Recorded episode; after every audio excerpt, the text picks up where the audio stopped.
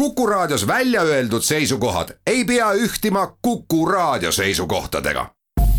Te kuulate Kuku Raadiot. teadus teab. teadus teab lühinägevuse levimus on viimastel aastakümnetel mitmekordselt suurenenud. näiteks põhikooli lõpus on lausa kolmekümnel protsendil Eesti õpilastest diagnoositud lühinägevus ja see probleem üha kasvab kui aastal kaks tuhat oli maailmas hinnanguliselt üks koma neli miljardit lühinägevusega inimest, see on siis umbes kakskümmend protsenti maailma populatsioonist, siis samasuguse trendi jätkudes tõuseb lühinägelike arv aastaks kaks tuhat viiskümmend lausa viie miljardini. see on lausa pool maailma populatsioonist kus aga peituvad lühinägevuse hoogsa levimise põhjused? seda teab lähemalt selgitada Teele Palumaa, kes lõpetas hiljuti Oxfordi ülikoolis oma doktoriõpingud ja praegu on ta arst-resident Ida-Tallinna Keskhaiglas oftalmoloogia erialal. Tegelikult see levimus on tõusnud juba, juba aastakümneid, et juba niimoodi tuhande üheksasaja seitsmekümnendatest aastatest on näinud, on nähtud just lühinägevuse levimuse tõusu eelkõige siis äh, Aasia riikides. Ja tegelikult nendel aastatel äh, tehti nagu äh, mitmetes Kagu-Aasia riikides selline nagu haridusreform ehk siis äh, kooli kohustuse nagu pikkust lastel äh, pikendati. Ja koolis käimine on ometi seotud sellega, et lapsed veedavad rohkem aega siseruumides ja ka lähitööd tehes ning äh, seetõttu viibida, viibivad nad vähem aega õues.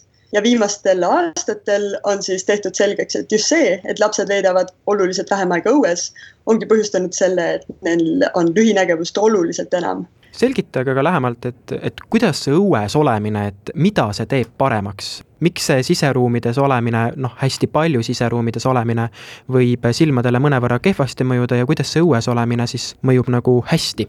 õues on tegelikult valgusintensiivsus oluliselt kõrgem kui siseruumides. et kui siseruumides niimoodi väga hästi valgustatud ruumis on valgusintensiivsus niimoodi umbes viiesaja luksi piires, siis õues sellisel väga nagu päikesepaistelisel päeval on valgusintensiivsus niimoodi sada tuhat luksi. ehk siis viissada luksi versus sada tuhat luksi.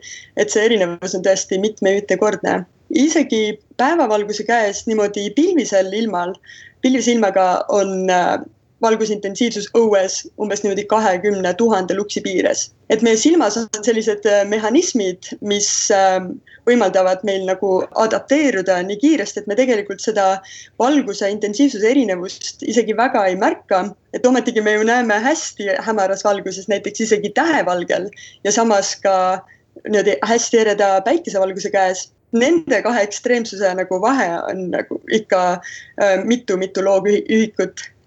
Ja see erevalgus siis äh, mõjutab meie, meie silma. ehk lühinägevus on äh, põhjustatud sellest, et meie silm lihtsalt kasvab natuke liiga pikaks ja see hele nagu ere päikesevalgus mõjutab meie silmakasvu. Ehm, seda on nüüd tõestatud mitmetel loommudelitel, nii hiirtel, nii äh, tibudel kui ka, kui ka primaatidel. et äh, kui nad on ereda valguse käes, siis nende silmamuna lihtsalt ei kasva pikemaks.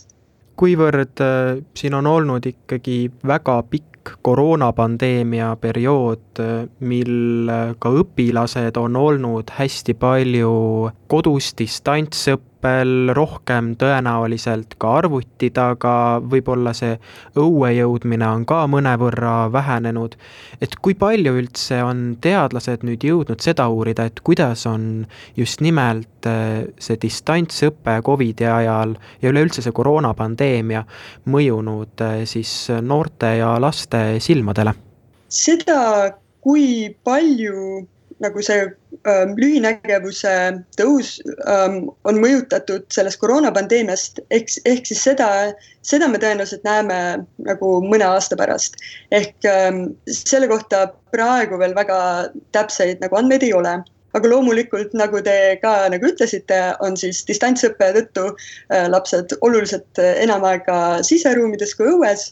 Ja no loogiliselt võttes ta kindlasti võiks mõjutada seda lühinägevuse teket ka. Ja olekski võib-olla oluline ka las-, lapsevanematel nagu pidada seda silmas, et, et kuigi lapsed on pikka aega päevas nagu siseruumides, et siis ikka leida võimalusi, et minna õue kasvõi perega koos kuskile matkama ja nii edasi, et ikkagi seda harjumust nagu jätkata, et, et õues ka piisavalt aega veeta kuivõrd ikkagi on teada, et see lühinägevuse levimus on kasvanud viimastel aastakümnetel, et kas see tähendab ka seda, et peaks rohkem äh, tähelepanu pöörama ka laste ja ka noorte nägemise kontrollimisse, et siis juba aegsasti avastada, et on silmadega teatavad probleemid kindlasti, et äh, siin tegelikult võikski aidata selline üsna nagu kompleksne nagu lähenemisviis, et lapsevanemad võiksid seda, seda nagu püüda märgata, et kas nende lapsel silmanägemisega on kõik korras.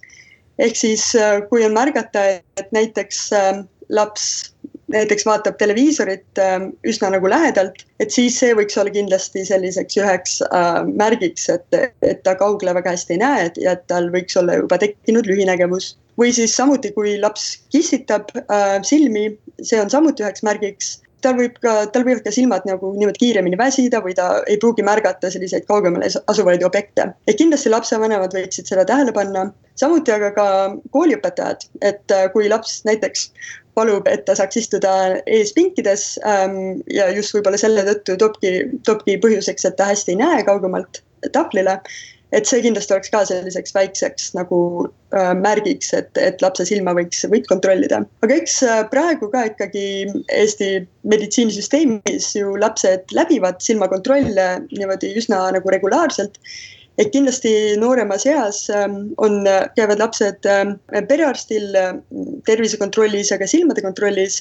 Ja sealt, eks ole, perearstid saavad juba saata ka ja ka lapsi nagu edasi silmaarstile. Ja kooliõed loomulikult mängivad ka väga olulist rolli, et, äh, et ma arvan, et jah, Eestis on selline äh, noh, süsteem loodud, et, et silmahaigusi lastel eh, nagu varakult ka eh, avastada. Ja loomulikult on ka silmaarstid, kellele saab alati nagu vastuvõtule tulla ähm, ja, ja ka saatekirjadega siis.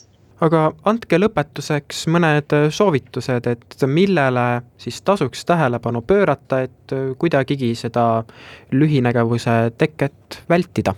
kõige olulis-, olulisemaks soovituseks vast olekski see, et ähm, et panna tähele, et, et lapsed ikkagi veedaksid piisavalt aega õues ehk siis äh, lapsevanemad loomulikult saavad äh, selles oma osa nagu mängida, mitte nüüd päris nagu sundida, aga, aga nagu koos näiteks aega veeta õues äh,, panna tähele, et laps veedaks vähemalt kaks tundi päevas õues.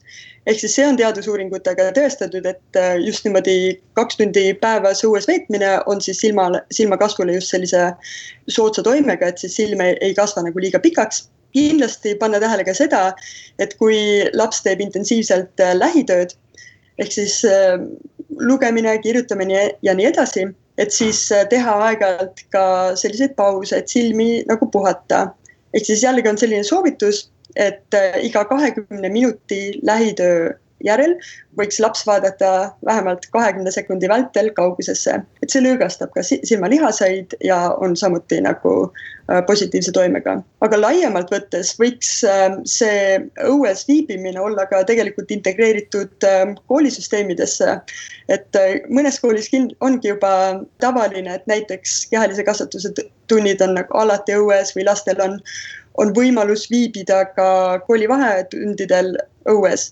et, et siin jah, sellise koolisüsteemiga annab ka sellele probleemile ikkagi äh, tähelepanu pöörata ja seda laste silmade tervist nagu edendada. teadus teab. teadus teab